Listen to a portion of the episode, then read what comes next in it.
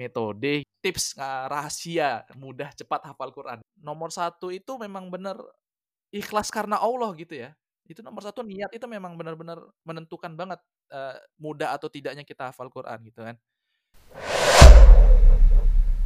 Nah ini ada pertanyaan penting banget nih. Mungkin pertanyaan ini nih yang paling dibutuhkan nih dari pendengar kita nih. Gimana sih sebenarnya cara ngafal Quran yang baik dan benar gitu ya? Ya berdasarkan pengalaman ente gitu. Itu gimana tuh? Um, konsepnya gini aja. Sedikit sedikit jumlah ngafalnya, tapi banyakin ngulangnya.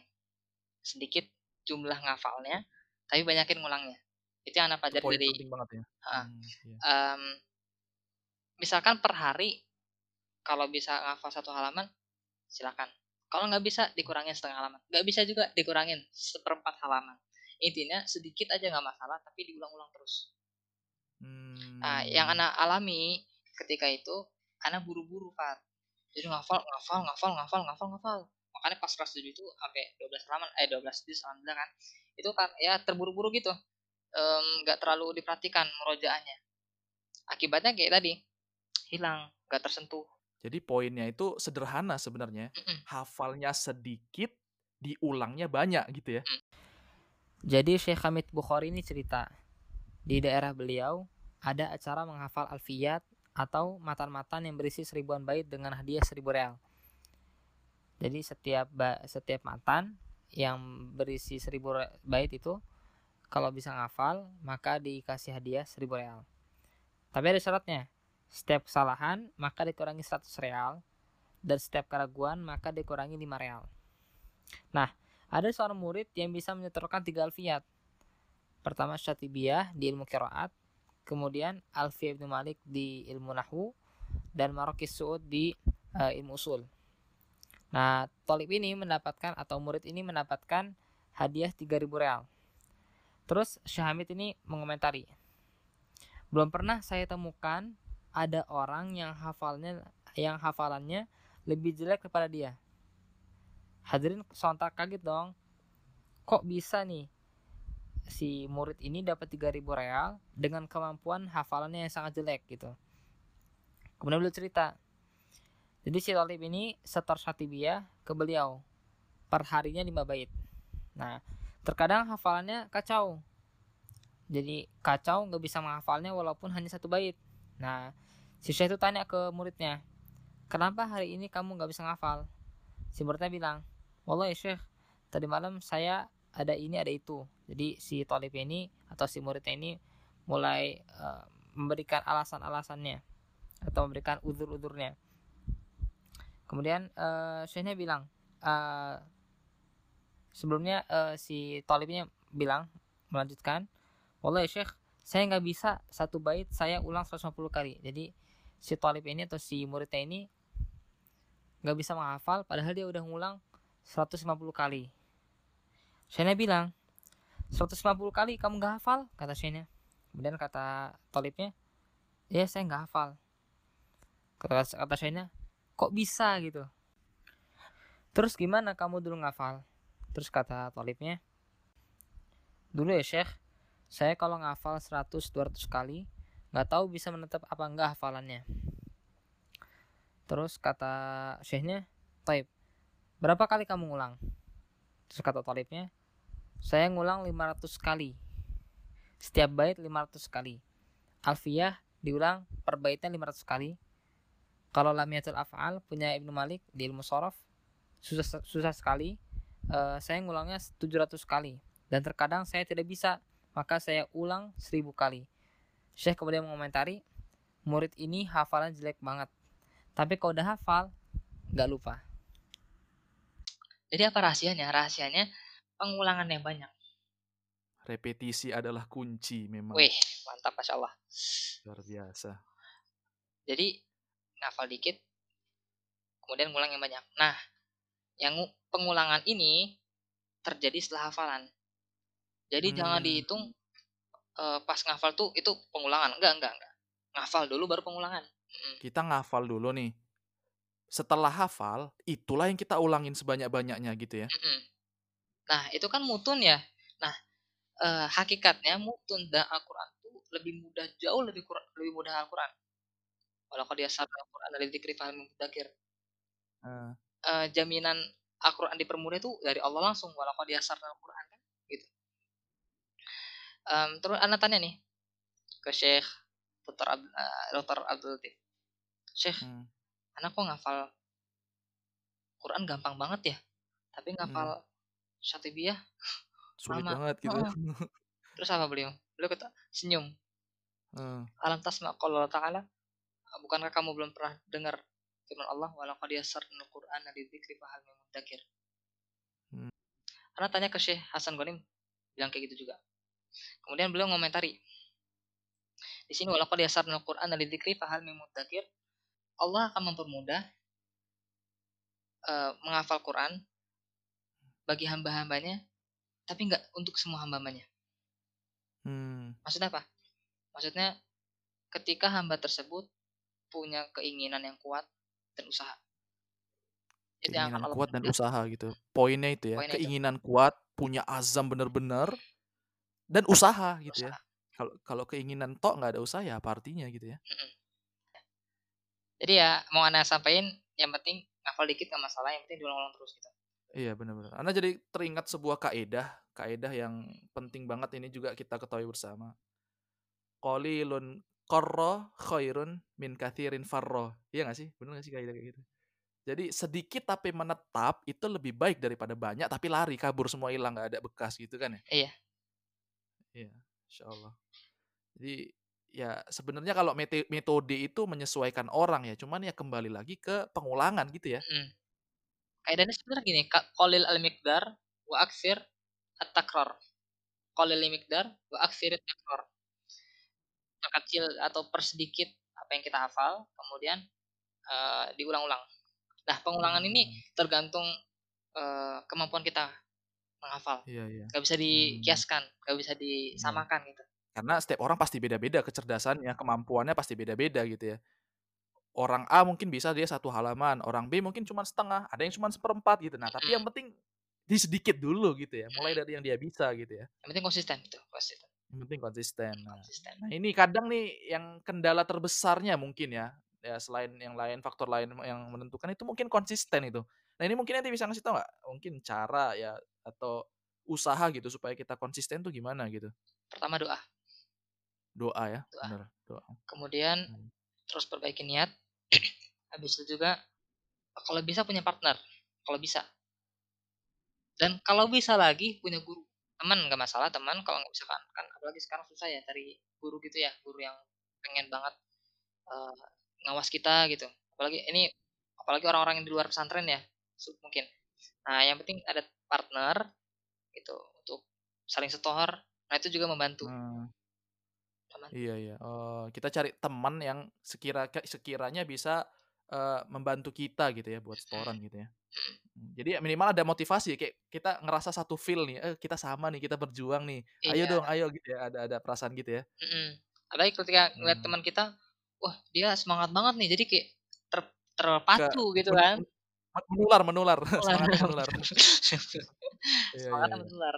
Gitu. Berarti memang memang penting juga ya punya partner. Ya pertama tadi di doa, terus kita lurusin niat kita ya ngafal tuh ya lillah ya bukan supaya dibilang tah- hafid kah.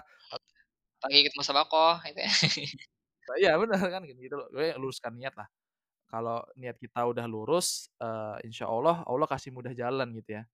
Anda mungkin mau nambahin sedikit ya eh, tentang metode gitu ya. Tips eh, rahasia mudah cepat hafal Quran. Jadi ini pernah Anda buat juga nih di postingan nih. Jadi benar, nomor satu itu memang benar ikhlas karena Allah gitu ya. Itu nomor satu niat itu memang benar-benar menentukan banget eh, mudah atau tidaknya kita hafal Quran gitu kan. Kan ya kayak ada di hadis kan inamal amalu niat ya. Sungguhnya amalan itu tergantung pada niatnya gitu. Nah jadi ya kita pastiin lah tulus karena Allah gitu ya, bukan karena si dia atau karena yang lain gitu ya. Nah terus eh, ini juga pengen anak highlight juga, pengen anak tekanin juga ya kita punya mindset bahwasannya Al-Quran itu mudah dihafal gitu. Mindset Al-Quran mudah dihafal ya. Allah sendiri yang udah tekankan itu ya. Dan sesungguhnya kami telah mudahkan Al-Quran untuk pelajaran, maka adakah orang yang mau mengambil pelajaran? Jadi Allah yang menjanjikan langsung ya. Bahkan itu ditegaskan ya empat kali ya di dalam di satu surat yang sama ditegaskan empat kali gitu. Heeh, jadi Al-Quran tuh mudah ya, mulai aja dulu pasti ada jalan gitu kan ya. Terus, eee, tentuin target, goal, jadi ya punya goal gitu ya, nggak ngawang-ngawang aja. Misalnya ya kita tadi dibilang sehari bisanya satu halaman, ya setengah halaman, seperempat halaman, yang penting ada target gitu ya. Ah, ini juga Kak, aku mau nambahin dikit. Jadi ketika proses ngafal itu ada tiga tugas per harinya. Selain hari libur ya. Jangan lupa per minggu harus ada hari libur untuk istirahat. Um, tiga tugas ini pertama ngafal, Hmm. kemudian murojaah koribah atau murojaah yang Hmm. dekat. Maksudnya hafalan-hafalan yang baru kemarin atau kemarinnya kemarin atau dua hari yang lalu, tiga hari yang lalu, dan seterusnya. Hmm. Ya tujuh hari yang sampai tujuh hari yang lalu lah. Hmm. Jadi murojaah, murojaah koribah, kemudian murojaah baidah. Nah ini murojaah yang lama, yang udah lama Hmm. dihafal. Nah itu baru murojaah. Jadi ada tiga tugas gitu. Karena kebanyakan abis ngafal, walaupun dia ngulang banyak, tapi nggak di murojaah besoknya, ya udah lupa gitu. Jadi contoh misalnya nih hafal sekarang nih, hal, hal- eh, hafal surat misalnya An-Naba contoh ya, hafal An-Naba, ya besok kita ulang lagi hafalan itu gitu ya. Eh, jangan sampai kita lewatin gitu aja gitu nggak diulang gitu ya. Lupa ntar. Ini poin selanjutnya tadi setelah eh, punya target, repetisi adalah kunci. Jadi benar-benar pengulangan itu semakin banyak kita ngulang, semakin kuat hafalan kita gitu ya. Hmm. Kaidah dasarnya gitu ya. Iya. Semakin banyak kita eh, repetisi melakukan pengulangan itu semakin kuat. Bahkan di sini eh, ada metode Uzbekistan gitu ya, Ana sempat riset eh, itu diulang 300 kali bayangin Oh. coba. Bayangin ulang 300 kali gimana nggak lengket itu hafalan diulang sebanyak itu gitu kan. itu udah Oke, habis repetisi adalah kunci, jangan lupa juga kita pilih waktu, tempat yang terbaik gitu ya. Betul. Jadi eh, waktu waktu tempat terbaik ya contoh lah waktu terbaik ya kita sahur ya kan ya. Hmm, Setelah pagi. sholat subuh, ketika bangun tidur pagi gitu ya. Pokoknya jangan tidur Nah, pagi. Jangan itu. tidur pagi. Ng- ngerusak ngerusak ngerusak produktivitas banget ya. Banget nih pagi itu kan waktunya apa namanya turunnya rezeki lah istilahnya. Nah termasuk Hmm. rezeki itu ngafal. Kita bisa ngafal itu kan rezeki. Iya Kalau iya tidur benar. kan berarti kita lalai dari rezeki yang udah turun dari langit kan kayak gitu. Gitu ya. Nah, itu tadi waktunya terbaik, eh, waktu terbaiknya yang bisa kita buat ngafal ya sahur, sholat subuh, bangun tidur. Nah, tempat tempat terbaiknya tuh masjid gitu ya. Kemudian jangan Hmm. di tempat yang terbuka yang banyak Hmm, tanaman hijau-hijau. hijau-hijau gitu. Terus eh, ini juga direkomendasikan ya menggunakan satu cetakan mushaf aja gitu ya. Jadi ya jangan pindah-pindah gitu. Jadi fokus aja gitu di satu cetakan gitu ya. Bertalaki dengan guru. Nah, ini penting banget nih. Ya kan? Jadi kayak tadi Teguh tadi kan dia ada guru ya, Syekh, Masya Allah dari zaman SMP nih kayak tadi kayak udah ketemu guru Ustaz Hasanuddin. Alhamdulillah. Pindah ke Al Irsyad ketemu Syekh ya kan. Hmm. Terus ketemu lagi Ustadz Saad. Jadi memang nggak bisa lepas kalau Al-Quran ini dengan guru gitu ya. Betul. Nggak bisa otodidak mau belajar online, nonton YouTube belajar tahfidz nggak bisa. Itu memang harus harus talaki gitu kan ya dengan guru gitu ya. Jadi kalau kata guru anak kata satu ngafal itu ngafal ngafal doang ya otodidak bisa semua orang kan bisa ngafal Hmm, Iya. yang nggak bisa itu cara pelafalan Hmm, huruf-hurufnya itu nggak bisa otodidak hmm. harus pakai guru Makhorijul hurufnya ya kan. Hmm. Terus cara pengucapannya ya itulah tentang sifat-sifat huruf segala macam itu ya memang harus guru kan ya. Iya.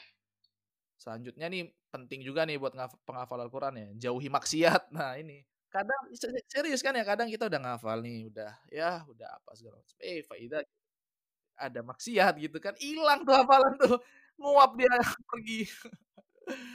nah gitu. Jadi jauhin lah maksiat gitu ya. Terakhir nih eh, perbanyak doa gitu ya. Doa nih kita ya apa sih kita nih kalau bukan bukan doa apa sih kita maksudnya ya bukan siapa-siapa kita ya. Maksudnya ini kan semua berkat taufik dari Allah ya. Jadi ya maksimalin lah doa di sepertiga malam, antara azan iqomat, turun hujan, posisi sujud dalam sholat, ketika puasa, ya gitulah. jangan lupa Banyak. juga minta doa sama orang tua Hmm, minta doa orang tua gitu. Nah itu penting banget tuh. Nah gitu ya, anak recap, anak bikin rangkuman. Ya mungkin teman-teman ada yang mau catat juga ya silakan. Yang pertama ikhlas karena Allah. Yang kedua mindset bahwa Al-Quran itu mudah untuk dihafalkan. Yang ketiga tetapkan target. Yang keempat perbanyak repetisi. Yang kelima memilih tempat dan waktu terbaik.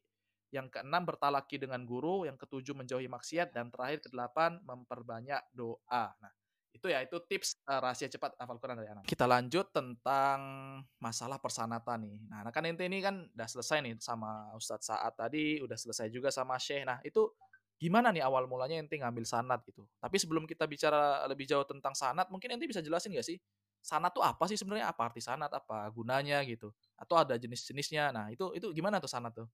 Sanat ya secara ringkasnya silsilah keilmuan, baik di Al-Qur'an atau di hadis atau di ilmu-ilmu yang lain maksudnya di mutun-mutun gitu ada juga sanat-sanatnya cara ya, ringkasnya jadi, gitu ya jadi ya mungkin kalau kita bahasakan kita ibaratin tuh ya kayak nasab gitu ya jadi uh, silsilahnya tuh nyambung gitu jadi jelas tuh bapaknya siapa kakeknya siapa ya bener-bener ada jalurnya situ gitu ya iya nah gitu nah itu itu itu gunanya apa gitu kalau dalam keilmuan mungkin buat supaya menjaga keabsahan gitu ya supaya hmm, bener gitu ya menjaga ya, kemurnian keabsahan hmm. Hmm. Karena kata Ibnu Mubarak kan al-isnadu minad din. Isnad atau sanad itu termasuk bagian dari agama. Uh, laulal isnad kalau tanpa isnad kalau tanpa sanad laqala man syaa ma syaa. Orang akan berkata semaunya gitu. Kalau udah ada sanad ini udah jelas ente ngambil ilmu ini dari siapa. Gitu kan. Kita bisa cross check gitu kan, kita bisa lihat. Nah, ini nih kadang yang orang-orang banyak nggak ngerti Islam ini spesialnya tuh karena ada sanad gitu ya. Mm -mm. Islam itu agama sanad. Hmm, Islam ini agama sanat. Kita nggak bisa kita ya mau ngarang-ngarang ya udah jelas semuanya gitu. Jalurnya udah ada, kita tinggal ngikutin aja track yang ada gitu kan ya. Kalau boleh tahu nih, ente ngambil sanat dari siapa aja nih sekarang? Jadi Wah. misalnya ya ente belajar udah siapa siapa aja gitu. Alhamdulillah uh, pernah ngambil dari Dr. Abdul Latif, ngambil hafaz, kemudian dari Saat ngambil hafaz juga, kemudian dari Syekh Maisarah ngambil Ashabus Silah ya, Ashabus Silah tuh riwayat Qalun kemudian Kirat Ibnu Katsir dan Kirat Abu Ja'far kemudian dari Ustaz dari Syekh Usamah Awad uh, ngambil uh, Asim dengan dua rawinya Syu'bah dan Hafiz kemudian dengan Hasan Gonim Syekh Hasan Gonim beberapa kiraat dan beberapa riwayat termasuk juga riwayat uh, kiraat Hasim dan terakhir kemarin uh, Satsarobi Satsarobi di Tangerang. Ngambil hmm. kerat asim tapi tinggal tiga kulhu. Bisa sekarang tiga kulhu Nah, jadi misalnya nih uh, ada nih orang udah dia udah hafal Quran nih, uh, insya Allah dia hafalannya juga udah mungkin nih. Dia mau ngambil sanat tuh, itu gimana tuh caranya tuh? Uh, apa gitu syaratnya supaya dia bisa dapat sanat tuh? Pertama um, hafalnya kuat, ya kuat hafalnya. Kemudian juga di penguasaan terhadap hukum-hukumnya juga kuat, bacaannya bagus, silahkan hmm. ambil kanan gitu.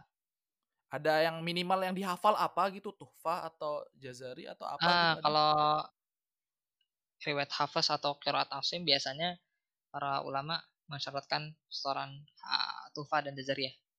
Hmm, gitu ya, harus hafal mutun itu gitu ya, disambil distorkan juga dengan hafal. Hmm. Dengan syarahnya tentunya ya, ngerti syarahnya gitu ya. Iya, ngerti syarahnya caranya.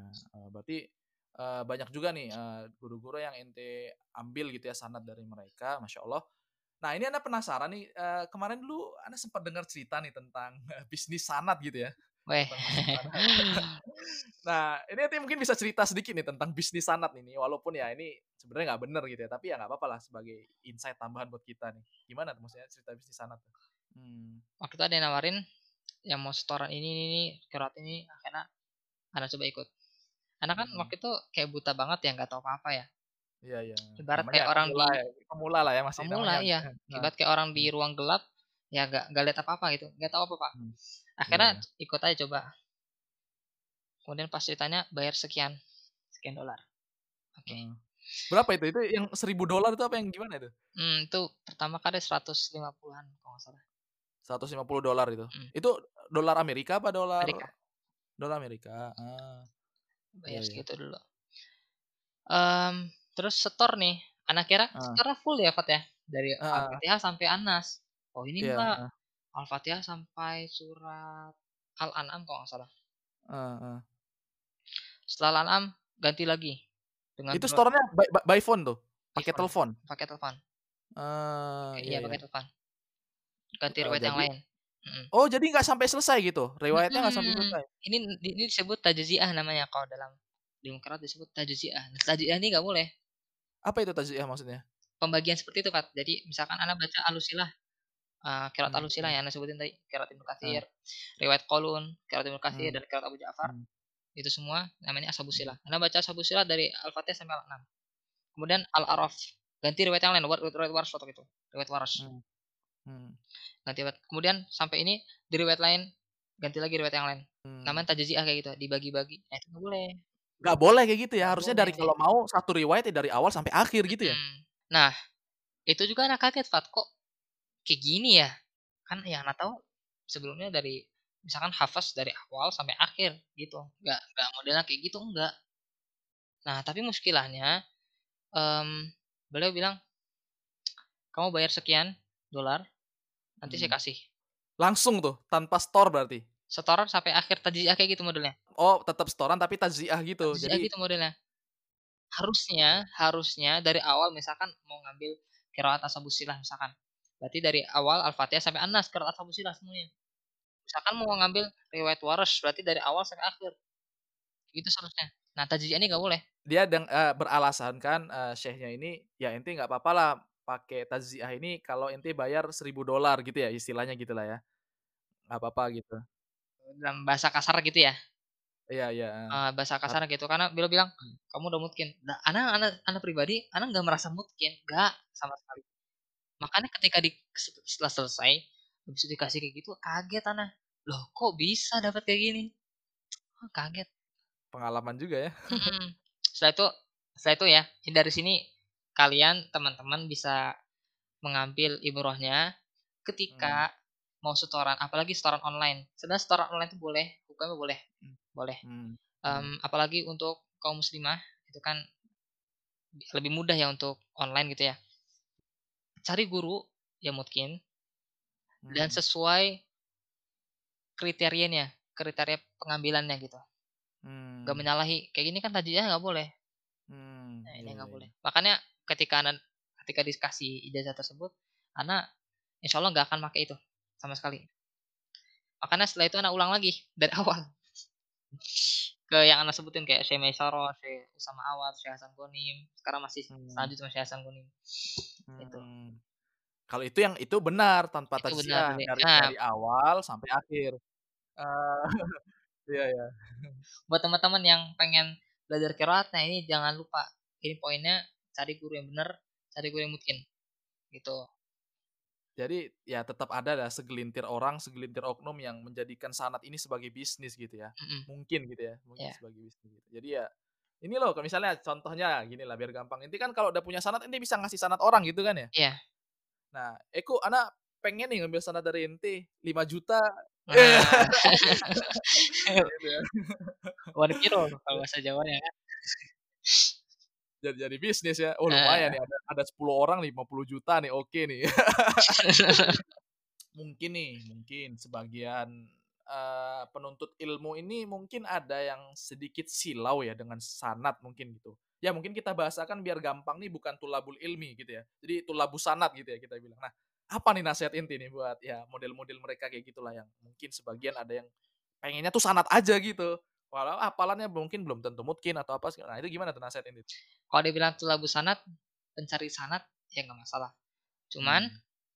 apalagi di koridor Al-Quran ya, dalam ilmu Al-Quran, Hmm. dalam ilmu qiraat itu harus sesuai dengan syarat-syarat yang sudah ditentukan. Dan juga Hmm. jangan lupa itkonnya karena yang pen- paling penting tuh itkon. Sanat penting, cuman yang paling penting itkon. Kata Qurannya seperti itu. mungkin, hmm, mungkin gitu ya. Mungkin, mungkin di kaidah-kaidah, mungkin di bacaannya gitu. Hmm. Makanya cari guru yang saya bilang tadi mungkin. Hmm, iya ya. Jadi tetap eh, nggak apa-apa minta sanat. Jadi tulabul sanat yang oke asal memenuhi kriterianya gitu kan ya. Dari ya kaedahnya ya mungkin, hafalannya mungkin, bacaannya bagus gitu ya. Dapat Ya. sanat itu nilai plus justru gitu ya, Nilai nilai plus. plus. Nilai Ta- plus. nah, dan juga gini, jangan niatkan kita belajar tuh untuk dapat sanat. nah itu benar niat ya. Kembali lagi ke niat. Kita niatnya Hmm. untuk belajar gitu. Niatnya untuk belajar, nah, mau sanat mau dapat sanat apa enggak itu nilai plus ya. Gitu. Hmm. ente hafal Quran mungkin dengan sanat kan itu jadi lebih baik dibandingkan ente hafal Quran mungkin tanpa sanat kan gitu kan ya pasti kan kayak gitu jadinya hmm, jadi ente pu punya dua keutamaan lah keutamaan mungkin ya keutamaan sanat gitu kan jadi yang paling penting yang paling penting itu itkonnya gitu nah sih oke kita lanjut Alhamdulillah uh, banyak banget ya insight yang bisa kita ambil dari perbincangan hari ini mungkin sebelum pertanyaan penutup, nanti ada pesan gak nih buat pendengar podcast ini nih? Pesannya jadilah orang yang ambisius, kemudian realistis dan optimis. Maksudnya ya, ya. Ambisius dia punya misi besar, dia punya cita-cita besar, cita-cita setinggi langit, kemudian cita-cita juga harus realistis. Hmm. Maksudnya jangan cita-cita tinggi tapi usahanya kayak gitu aja tujuan. Dan optimis juga. Karena Allah selalu bersama dengan prasangka hambanya. Di poin pertama, ambisius, inti punya mimpi, ya mimpi harus tinggi, jangan mimpi tanggung-tanggung. Tapi ingat, harus realistis juga, sesuaikan dengan kemampuan. Dan ingat, harus optimis gitu ya. Masya Allah, pesan-pesan. Masya Allah. Nah, terakhir nih, uh, mungkin ente bisa baca ya Al-Quran lah, supaya kita, ending kita nih diberkahi gitu ya. Maksudnya, uh, ya mungkin nanti bisa baca ayat terserah ente bebas gitu dengan riwayat yang lain gitu ya. Jadi ya mungkin pendengar kita pengen dengar juga nih supaya uh, teredukasi juga nih ternyata nih Al-Qur'an ini banyak riwayatnya loh, bervariasi. Nah, itu mungkin nanti bisa baca gitu ya. أعوذ بالله من الشيطان الرجيم. بسم الله الرحمن الرحيم. وسيق الذين اتقوا ربهم إلى الجنة الزمرا حتى إذا جاءوها وفتحت أبوابها وقال لهم خزنتها وقال لهم خزنتها سلام عليكم طبتم فادخلوها خالدين. وقالوا الحمد لله الذي صدقنا وعده وأورثنا الأرض نتبوأ من الجنة حيث نشاء فنعم أجر العاملين. وتر الملائكة